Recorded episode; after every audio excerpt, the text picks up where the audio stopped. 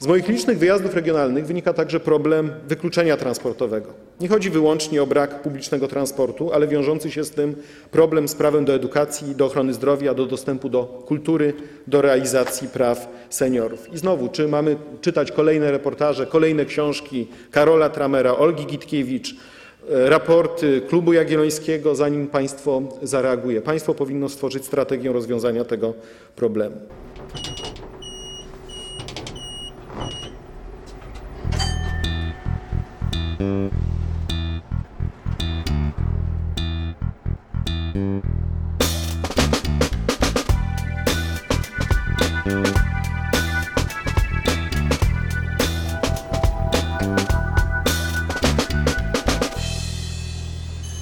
Kącik literacki wraca do węzła przesiadkowego. Dzisiaj moim gościem jest Olga Gitkiewicz, autorka książki Nie zdążę. Witam cię serdecznie.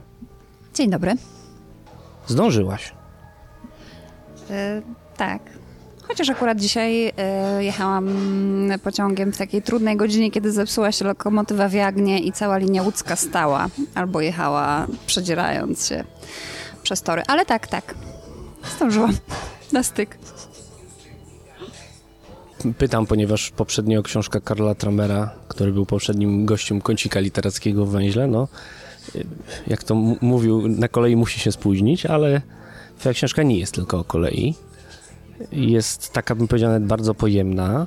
Myślałem, że to będzie właśnie o wąskim spektrum tematów najpierw, jak pierwszy raz usłyszałem o tym, że ją piszesz, ale tak nie jest. I podeszłeś do sprawy, no bym powiedział, nawet bardzo kompleksowo. I skąd w ogóle geneza powstania takiej książki? Kilka było. Było kilka takich, takich wiązek, które w pewnym momencie się splotły. Mm, To znaczy tak, ja zawsze dużo jeździłam transportem publicznym. E, Mało jeździłam samochodem. E, Dużo jeździłam pociągiem. Moje wydawnictwo nawet sobie w pewnym momencie zażartowało, że a może byś napisała książkę o pociągach. Mm, I ja tak sobie myślałam, myślałam. Sam wątek książki o pociągach mnie nieszczególnie pociągał. E, ale pomyślałam, że transport publiczny to jest to, o czym warto byłoby napisać, a też było to mm, pokłosiem moich doświadczeń związanych z poprzednią książką Nie hańbi, czyli książką o rynku pracy i moi bohaterowie bardzo często mówili mi o swoich dojazdach do pracy albo niemożliwości dojechania do pracy, albo niemożliwości dojechania do urzędu pracy. Zaczęłam się temu przyglądać i pomyślałam sobie, że to jest ogromny system, który rzeczywiście warto opisać bardzo kompleksowo, bo to jest jak takie koło, to jak taka piłka. To jest taki system, który się tak toczy i czasem zbacza ta piłka gdzieś albo ugrzęznie w jakiejś dziurze. No, ja lubię sobie najpierw e, tak poznać e, ten temat, o którym piszę i później zawężać, zawężać, zawężać tematy i tak powstaje książka. I tak powstała ta. Czy ja mówię zbyt ogólnie? Nie, ja tylko odniosłem wrażenie, że ta książka, ja myślałem najpierw o niej, jak, jak właśnie rozmawialiśmy o niej już sporo czasu temu, że ona właśnie będzie dość wąska, ona jest bardzo szeroka.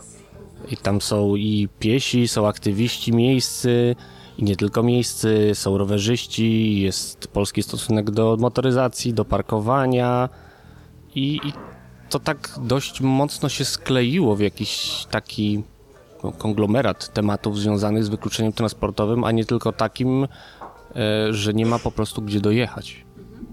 Tak, bo ja y, myślę, że mm, to wszystko jest ze sobą powiązane, albo może powinno być powiązane, a nie jest tak naprawdę w polskim systemie transportowym. Rzeczywiście ja zaczynałam od y, pociągów i od jeżdżenia pociągiem, ale bardzo szybko zrozumiałam, że to jest tylko jakiś wycinek, to co się dzieje na kolei w Polsce. E, Bardzo szybko też zrozumiałam, że to, co się dzieje z busami i w ogóle z transportem na terenach wiejskich, to jest ogromny problem. Mm, No ale też ja wychodzę z tego założenia, że każdy z nas, zanim wsiądzie w jakikolwiek środek transportu, najpierw jest pieszym. Wszyscy jesteśmy pierwszymi. Dopiero potem jesteśmy albo kierowcami, albo użytkownikami e, transportu publicznego. Dlatego od tego zaczynam. Od tego, że chodzimy. Niektórzy z nas mniej chętnie wybierają samochód. I wiem, że teraz jest taki konflikt piesi kierowcy, ale na terenach wiejskich, w mniejszych miastach, Te samochody są bardzo często koniecznością, musimy z nich korzystać. Ja zresztą jestem mieszkam teraz w małym mieście. Odbiję do innego wątku. Dlaczego nie zdążę? Bo ile nie hańbi, to pierwsze skojarzenie człowieka od razu jest, że to jest praca. To czy y, polski obraz poruszania się, bo to w zasadzie tak chyba trzeba by mówić o tej książce, to jest taki, że nie zdążę? Że to jest... y, Bo ja wiem, w którym miejscu w książce pojawia się słowo nie zdążę. Specjalnie dzisiaj szukałem. Tak. E, mm, Robocze tytuły na samym początku były różne, ale ja bardzo szybko rzeczywiście zdecydowałam się na tytuł Nie zdążę. E, tak, miałam tytuł roboczy Polskie drogi, Daleko od szosy. Taki jest serial, zresztą bardzo go lubię. E, ale mm, kiedy ja tak jeździłam, to do bardzo wielu moich bohaterów, rozmówców, ale też na przykład do mojego męża pisałam albo dzwoniłam i mówiłam nie zdążę, nie zdążę, nie zdążę. A korzystałam wtedy y, z transportu publicznego. Jeździłam pociągiem albo busem. E, I rzeczywiście ta formuła nie zdążę, ona się jakoś wpisuje w tytuł, który mm, zaczął się od niehańbi, czyli jest nie i są polskie głoski, co bardzo lubię, ale tak naprawdę to jest formuła, z którą musi się liczyć bardzo wielu użytkowników transportu publicznego. Czyli, że się nie zdąży. Trzeba mieć jakąś poprawkę wkalkulowaną w swój sposób przemieszczania się. Samochodem w sumie też często trzeba mieć kalkulowaną. Tak. Na piechotę również. Mm, Chociaż najrzadziej chyba spóźniałam się, kiedy chodziłam na piechotę, ale samochodem rzeczywiście stoi się w korku, y, trąbi się, y, denerwuje się i ciśnienie rośnie. A książka nie zaczyna się tak naprawdę od, od tego, co jest dzisiaj. Nie zaczyna się od korków, nie zaczyna się od pieszych, tylko zaczęła się tak dość nietypowo i to też temat, który już był węgle przesiadkowym, dlatego trochę tak spoiluję o tej książce. E, No ale jak zachęcać, to czymś trzeba zachęcić, tak? Tu też dwa y, fragmenty twojej książki ukazały się już w prasie. Y, I ta książka zaczyna się od takiego powrotu do tematu wielkiego spisku tramwajowego w USA. Skąd ten pomysł? Pewne, em, pewne procesy wydawały mi się uniwersalne, to znaczy wykańczanie transportu publicznego i stopniowe zmuszanie ludzi do tego, żeby e, korzystali z samochodów. E, To zresztą było właściwie dokładnie 100 lat temu się zaczęło. A poza tym ta koncepcja American Dream i wolności na drodze wydaje mi się dosyć urzekająca dla wielu, e, dla wielu ludzi. Ja chciałam pokazać, że to są też pułapki, które, z którymi my właściwie 100 lat później dzisiaj się zmagamy. To znaczy wielu z nas wydaje się, że samochód jest rzeczywiście tą wolnością, tą przestrzenią, e, w której sobie rządzimy sami, o której sobie decydujemy i kojarzy się też z oznaką jakiegoś statusu, wyższego statusu społecznego ciągle, tak wynika z badań. Co akurat dla mnie było zaskakujące. Bo myślałam, że już się wyleczyliśmy trochę z tego, bo po 30 latach no, kapitalizmu. ten temat się niewątpliwie pojawia. I też pojawia się taki motyw, to też co jakiś czas się przewija, czy w dyskusjach w Twojej książce pojawia się gdzieś to tam w połowie dopiero, że o tym szeroko pojętym wykluczeniu transportowym, komunikacyjnym rozmawiamy zazwyczaj w Warszawie, mimo że to przecież największe problemy są daleko od stolicy, chociaż w momencie, kiedy ten problem zaczął się niedawno pojawiać tak już trochę bliżej, no to zaczęło o tym być głośniej w mediach. A jak to wygląda z punktu widzenia tego interioru? Z punktu widzenia ludzi, władzy, mediów? Teraz trochę się rzeczywiście mówi. mm, Mam wrażenie, że to ma związek z ustawą autobusową e, i z piątką PiSu. E, To znaczy, o ile ja jestem dosyć sceptyczna, jeśli chodzi o zapisy tej ustawy, to uważam, że ona rzeczywiście mm, pozwoliła szeroko mówić o problemie i również em, lokalnie. Chociaż mam ciągle wrażenie, że lokalni ludzie powtarzają taką frazę, że poradzili sobie i władze samorządowe też powtarzają, ludzie sobie poradzili. Że ludzie rzeczywiście mają te samochody, sprowadzili sobie z zagranicy, a może e, kupili tutaj i jeżdżą e, samochodami, więc właściwie dla kogo jest transport publiczny. To zagramy w transportowe bingo. Ile razy słyszałaś, że u nas wszyscy mają auta? O matko, bar... prawie wszędzie to słyszałam. Mam taką mapę Google, e, na, na którą nanosiłam sobie punkty, w których byłam, bo inaczej bym nie zapamiętała, a i tak mam wrażenie, że niektórych nie naniosłam, bo y, mi to umknęło. I to jest kilkadziesiąt punktów y, miejsc, miejscowości w Polsce i właściwie wszędzie słyszałam, że sobie ludzie poradzili. Nie mamy pieniędzy na transport publiczny? To jest jeden z argumentów bardzo częsty, że na transport nie ma pieniędzy, chociaż mam wrażenie, że on trochę za łatwo przychodzi. Mm, to znaczy, mam wrażenie, że to tak naprawdę pieniądze nie są tym pierwszym podstawowym problemem e, w organizowaniu transportu. Znaczy nikt nawet ich nie szuka często, bo ludzie, samorządowcy, wielu samorządowców uważa, że skoro ludzie sobie poradzili, transport jest zbędny i po co go organizować, więc nikt nie zadaje sobie nawet takiego trudu, żeby wyrysować jakąś siatkę połączeń, zastanowić się, jak ten transport zorganizować, gdzie on ma jeździć, czym ma się jeździć, w jakich godzinach, a co dopiero w ogóle myśleć o szukaniu pieniędzy. Te pieniądze, one są istotne, ale no one gdzieś tam powinny się pojawić dopiero w momencie, kiedy ma się przemyślany jakiś sposób transportowania ludzi na danym jakimś tam terenie. Gramy dalej. U nas są busy, to nie trzeba nic robić. Tak. Tak, to jest częste tam, gdzie są busy. Bo one nie wszędzie są. Ale tak, lubelskie, mm, Mazowsze bardzo często słyszałam, że podjeżdża e, przecież busik i jest ok. Ten busik to jest w ogóle jakaś zmora.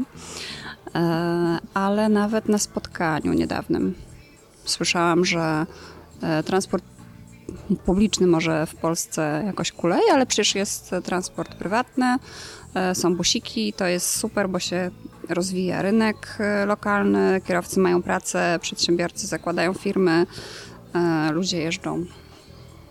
Tak, często to słyszałem. Nie śmiejmy się teraz z Agaty Billy Cropson, tylko to jest autentyk swojego spotkania.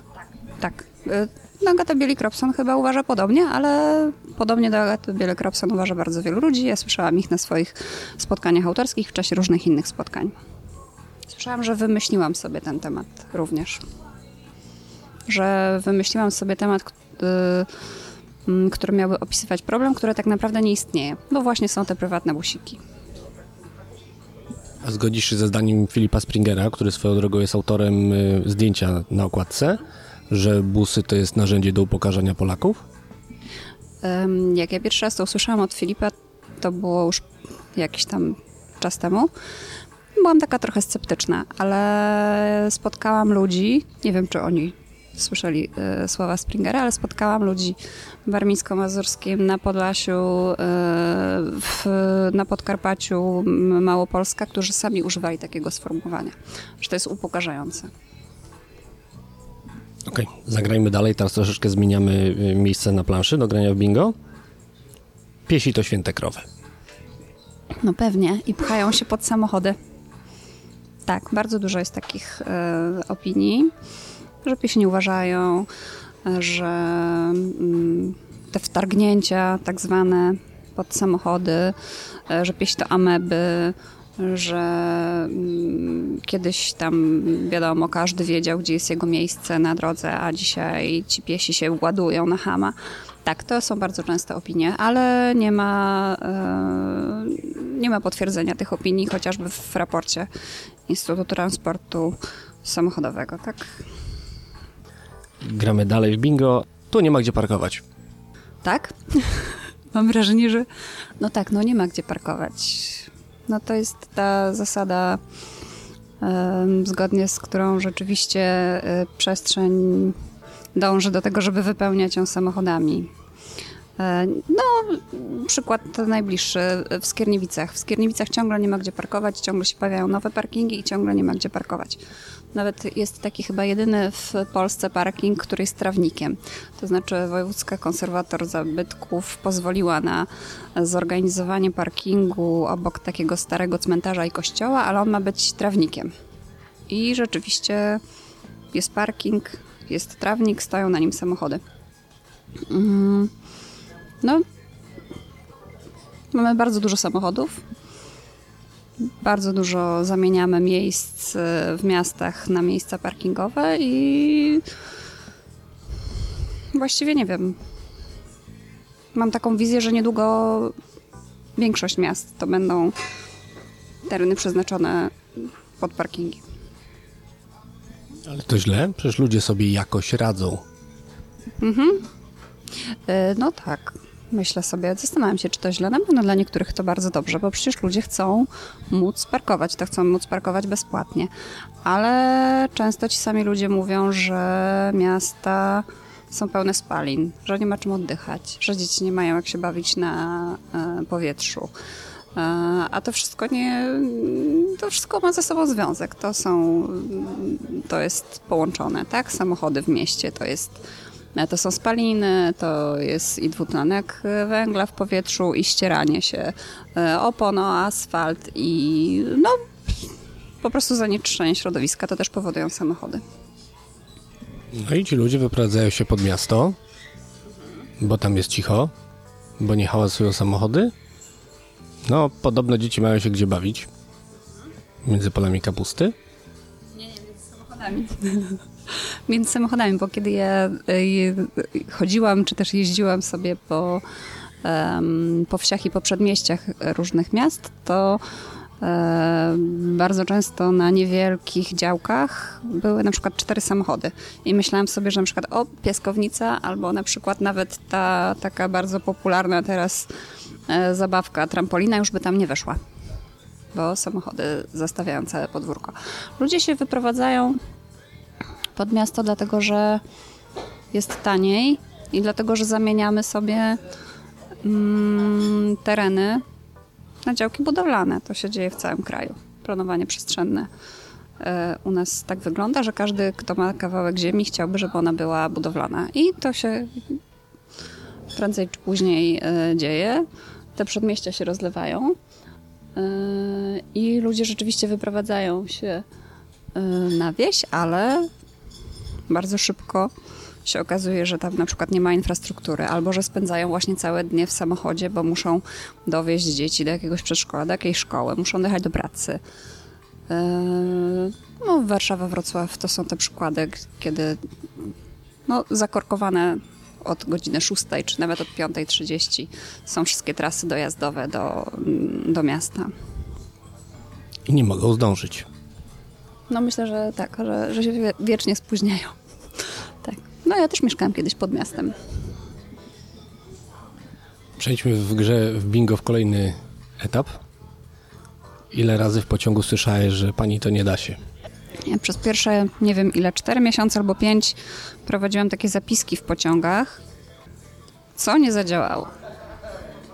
Komunikaty różne, albo braki komunikatów, opóźnienia, ym, jakieś ym, pożary, spięcia. Yy, I po czterech miesiącach musiałam przestać to robić, bo byłam tak sfrustrowana. Yy, I bardzo szybko zrozumiałam, że na kolei ciągle coś się nie da, albo coś nie działa. I oczywiście ja to rozumiem już teraz.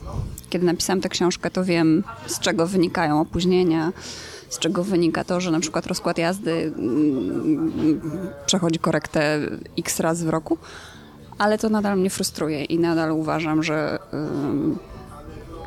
no, że kiedy się jeździ polską koleją, to człowiek jest bardzo sfrustrowany.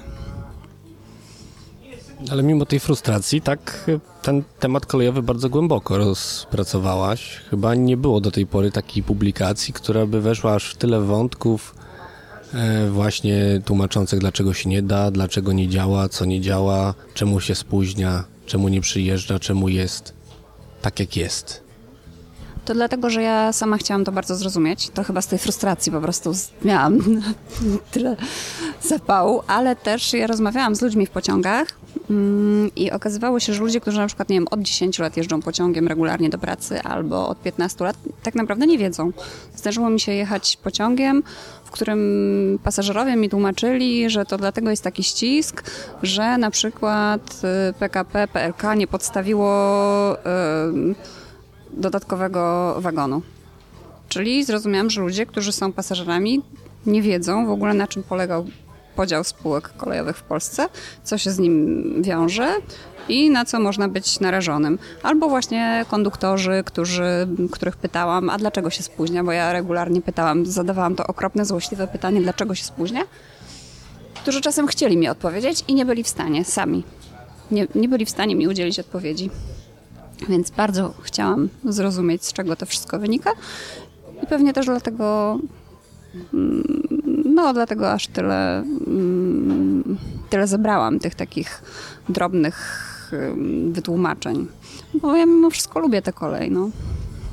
To jest taka trudna, trudna miłość. Syndrom bitej żony. Ale nawet niedawno było tak, że chyba przez dwa albo dwa i pół tygodnia nie jechałam pociągiem i wreszcie musiałam gdzieś się wybrać, już, a do Wrocławia jechałam. I szłam na dworzec, słońce świeciło i było tak fajnie. E, I pomyślałam sobie, matko, tak dawno nie jechałam pociągiem, będzie super. Sprawdziłam sobie wszystko cztery razy. Zjem śniadanie, bo sprawdziłam, że jest wars i ekstra będzie. No i przyjechał skład zastępczy, nie było mojego miejsca, bo zamiast y, elektrycznego przyjechał y, ten taki stary y, typ pociągu, warsu nie było, jechałam prawie 5 godzin głodna i niezbyt zadowolona. Więc tak, to, to jest trudna miłość. Hmm? No tak, ale w podsumowaniu książki są właśnie jak na typowego miłośnika kolei podliczone kilometry. No i wyszło, że jednak tą koleją było najwięcej wyjeżdżane. Tak, dlatego że mm, ja busami jeździłam tak bardziej y, z wioski do wioski, z gminy do gminy, a poza tym jednak tych busów bardzo często po prostu nie ma. Więc nie miałam skąd uzbierać tych, y, tych kilometrów. Ale rzeczywiście pokonywałam takie dystanse po 15, po 17, po 20 kilometrów. E, najdłuższe to chyba było, a nie w Bieszczady jechałam, no tak. Ale to była chyba najdłuższa z Warszawy w, do Leska. E, A pociągami jeździłam jednak dużo i dużo z przesiadkami do Gorzowa. To są duże dystanse nad morze, do moich rozmówców, e, do Krakowa, Małopolska, więc tych kilometrów rzeczywiście się zebrało. A poza tym wydaje mi się, że taki system sprawny transportowych, tak sobie to oceniam. On tak chyba powinien wyglądać. Czyli kolej na duże dystanse, ewentualnie aglomeracyjnie i uzupełniająco tam, gdzie tą koleją nie można dojechać, busy na krótkie dystanse dowożą nas do dworca i sobie dalej tam gdzieś jedziemy. Oczywiście to tak nie wygląda, no ale mogłoby. Ale nie jesteś pierwszą osobą, która uważa, że tak to wyglądać powinno. Jak technicznie wyglądało przygotowanie takiej książki, gdzie masz rozmówców, którzy nie zdążą, nie dojadą, to jak do nich dojechać, jak do nich trafić? Właśnie sobie naiwnie założyłam, że do nich dojadę transportem publicznym. E, I rzeczywiście próbowałam tak robić przez jakieś półtora roku. E, Co było stresujące bardzo, bo spóźniałam się na rozmowy, albo miałam bardzo mało czasu dla, dla ludzi, albo nie mogłam pracować e, komfortowo w takim trybie, w jakim lubię pracować, czyli że gdzieś tam na przykład sobie siedzę dzień lub dwa i zagaduję ludzi. No, nie mogłam gdzieś przebywać dzień lub dwa, bo pół tego dnia zajmował mi dojazd, albo nawet więcej niż pół. E, więc taką pierwszą wtopę zaliczyłam w Bieszczadach, bo pojechałam sobie na tydzień i myślałam, że w ten tydzień to ja po prostu wszędzie pojadę w te Bieszczady, ale okazało się, że jeden dzień to był dojazd, drugi dzień to był dojazd i już nie za bardzo miałabym jak wrócić. Gdzieś tam umówiłam się z e, kobietą, która powiedziała, żebym przyjechała o 15, bo ona o 15 znajdzie dla mnie czas, tylko że chyba miałabym, no 15.40 musiałabym od niej wracać, co absolutnie jest, no, no bzdurą. E, Dlatego y, technicznie wyglądało to tak, a poza tym byłam bardzo sfrustrowana. I później, żeby wrócić w niektóre miejsca, jeździłam już samochodem, bo się poddałam. Stwierdziłam, jest mi potrzebny ten samochód, żeby domknąć ileś tam wątków. I kupiłam samochód i jeździłam. To mi na przykład też pozwoliło pojechać do Raszówki. Jak się dowiedziałam, że jest protest w Raszówce pasażerów, to byłam akurat na Dolnym Śląsku i wsiadłam w samochód i pojechałam tam. Nie byłoby to możliwe bez samochodu. Chyba. Tak, na pewno nie. Skoro pociąg się tam wtedy nie zatrzymywał i z tego powodu był protest, na który pojechałaś, to trudno, żeby... To, tam jakieś busy jeżdżą, nawet bezpłatne z Lubina, ale nawet busami y, to by pewnie zajęło mi właśnie cały dzień. To zajęło mi półtorej godziny. Mówiłaś o kończeniu wątków. Czy były wątki w książce, których dokończyć się nie udało? Albo których nie udało się nawet zacząć? Nie, zastanawiam się. Wydaje mi się, że nie. Natomiast są wątki, które z niej wyleciały. To znaczy, mm, ta książka była jakieś tam 120 tysięcy znaków e, obszerniejsza, ale mm, po, to, po zastanawianiu się w, w trybie redakcji e, uznaliśmy, że, że nie ma co przegadywać i pewne, mm, pewne wątki zostały usunięte, bo ja też nie lubię się rozgadywać. W książkach też. Zastanawiam się, na szybko myślę, czy coś było, o czym chciałam napisać. Właściwie miałam takie na początku pracy, miałam taką myśl, żeby jeszcze tak bardziej etno, antropologicznie i filozoficznie podejść w ogóle do koncepcji czasu i miejsca, ale z tego szybko zrezygnowałam. To, to wydawała mi się taka abstrakcja. tak, to, to, to jest taki wątek. A co, masz wrażenie, że coś tam powinno się jeszcze znaleźć? Nie wiem, bo to ty jesteś autorką, nie ja. Wydaje mi się, że zależało mi na tym, żeby pokazać, że to jest połączony system, ten transport albo jego brak. I wydaje mi się, że z, tych wątków mam nadzieję, że taki obraz się wyłania. W tym obrazie są e, ci, którzy nie zdążą. Jest ta sfera przedsiębiorców, którzy gdzieś tam jeszcze tymi busami jeżdżą. Są politycy lokalni, są politycy też, no, jakby też centralni. A gdzie w tym wszystkim są media? Czy miałeś jakiś taki kontakt z lokalnymi mediami a propos właśnie tych tematów, które poruszałaś? W Legnicy, w mm, Żardowie, owszem, kontaktowałam się gdzie niegdzie z lokalnymi dziennikarzami, ale mm, ja nie miałam poczucia, że to jest y, temat, który jakoś mocno te media interesuje. To znaczy, kiedy już pojawiła się piątka PiSu, a na przykład y, zaczęły być likwidowane jakieś połączenia, no to tak, to były takie, takie teksty y, w lokalnych mediach. Y, ale zanim się pojawiły te pomysły, owszem, przy okazji zamykania się jakiegoś PKS-u albo kiedy Mobilis likwidował połączenia, y, rzeczywiście były takie mm, informacje, ale ja nie miałam poczucia, że to jest jakoś szczególnie pogłębione, że to jest raczej taka doraźna informacja, bo akurat to się wydarzyło. E, oczywiście tam transport publiczny, ten portal i różne inne branżowe e, na bieżąco, e, na bieżąco e, pisały i to były nawet analizy jakieś i tak dalej, więc czy, czy, czy Wasz Klub Jagielloński, ale, ale nie miałam poczucia, że lokalnie to jest taki palący problem. W mediach lokalnych, bo ludzie pewnie inaczej to oceniali.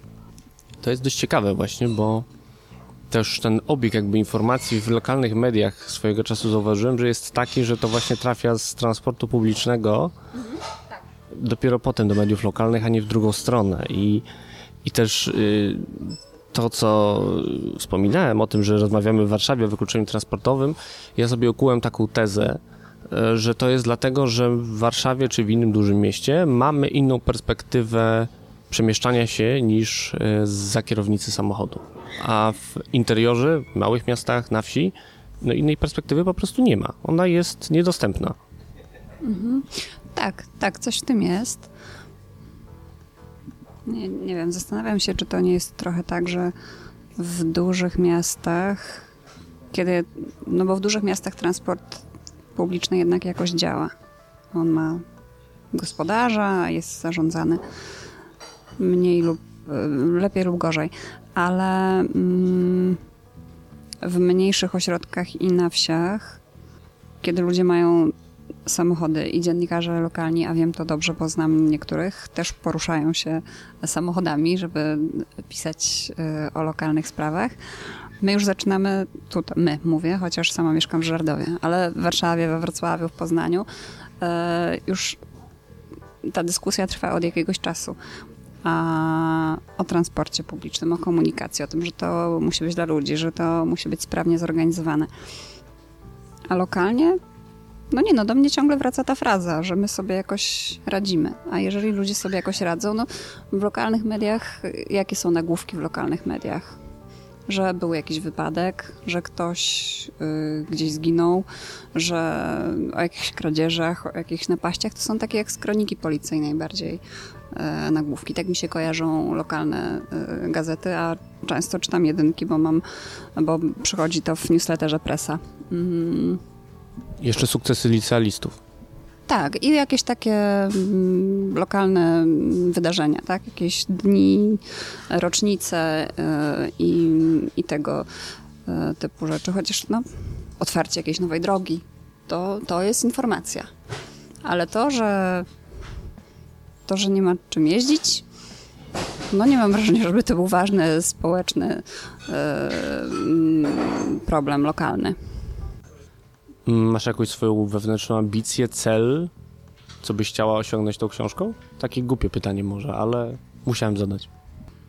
Trochę na pewno chciałabym, żeby ludzie zrozumieli, czym jest w ogóle ten system transportu publicznego, ale też mam nadzieję, tak nie, no spokojnie mogę to powiedzieć z pełną odpowiedzialnością, że mam nadzieję, że ludzie też zrozumieją, że transport publiczny to nie jest jakaś usługa wydumana, że to jest coś, co powinno po prostu być, że to, że to nie jest to nie jest, transport nie jest skierowany tylko dla dzieci, tylko dla osób starszych, że po prostu powinniśmy go traktować wszyscy równo. On ma być dla każdego. Jeżeli w mieście każdy może, w dużym mieście takim jak Warszawa, każdy może wsiąść do tramwaju albo do metra, niezależnie od tego, jakie ma wykształcenie, w jakim jest wieku, ile zarabia e, i tak dalej, to tak samo powinniśmy traktować transport na terenach, no, na terenach wiejskich i e, w mniejszych e, ośrodkach i mam nadzieję, że ja to jakoś pokazałam tą książką. Hmm? Nie? Powiedz, co myślisz. Nie wiem, co, nie wiem, co myślę, to się okaże, co, jakie będą efekty tej książki. Mam nadzieję, że mam nadzieję, że dobre. Że urodzi się z tego coś dobrego. My, my mm, reporterzy często powtarzamy, że my jesteśmy od tego, żeby coś opisywać że my się dystansujemy, że my w ogóle nie mamy opinii e, albo ich nie uzewnętrzniamy. Mm, ale może trochę już się zużyły e, te tezy i może czasem warto pokazać, co się myśli jednak. Nie zdążę. Olga Gitkiewicz, wydawnictwo Dowody na istnienie. No i chyba teraz pora na tur po Polsce. Tak. Zaczynam w Krakowie, więc w dużym mieście. Olga Gitkiewicz, bardzo dziękuję. Dziękuję bardzo. Na zakończenie tradycyjnie dziękuję wszystkim patronom za wsparcie. Specjalne podziękowania dla Piero i Pawła Zegartowskiego. Jeżeli chcecie dołączyć do grona osób wspierających ten podcast, zapraszam serdecznie na patronite.pl przesiadkowy lub na patreon.com przesiadkowy. Na dziś to wszystko. Do usłyszenia.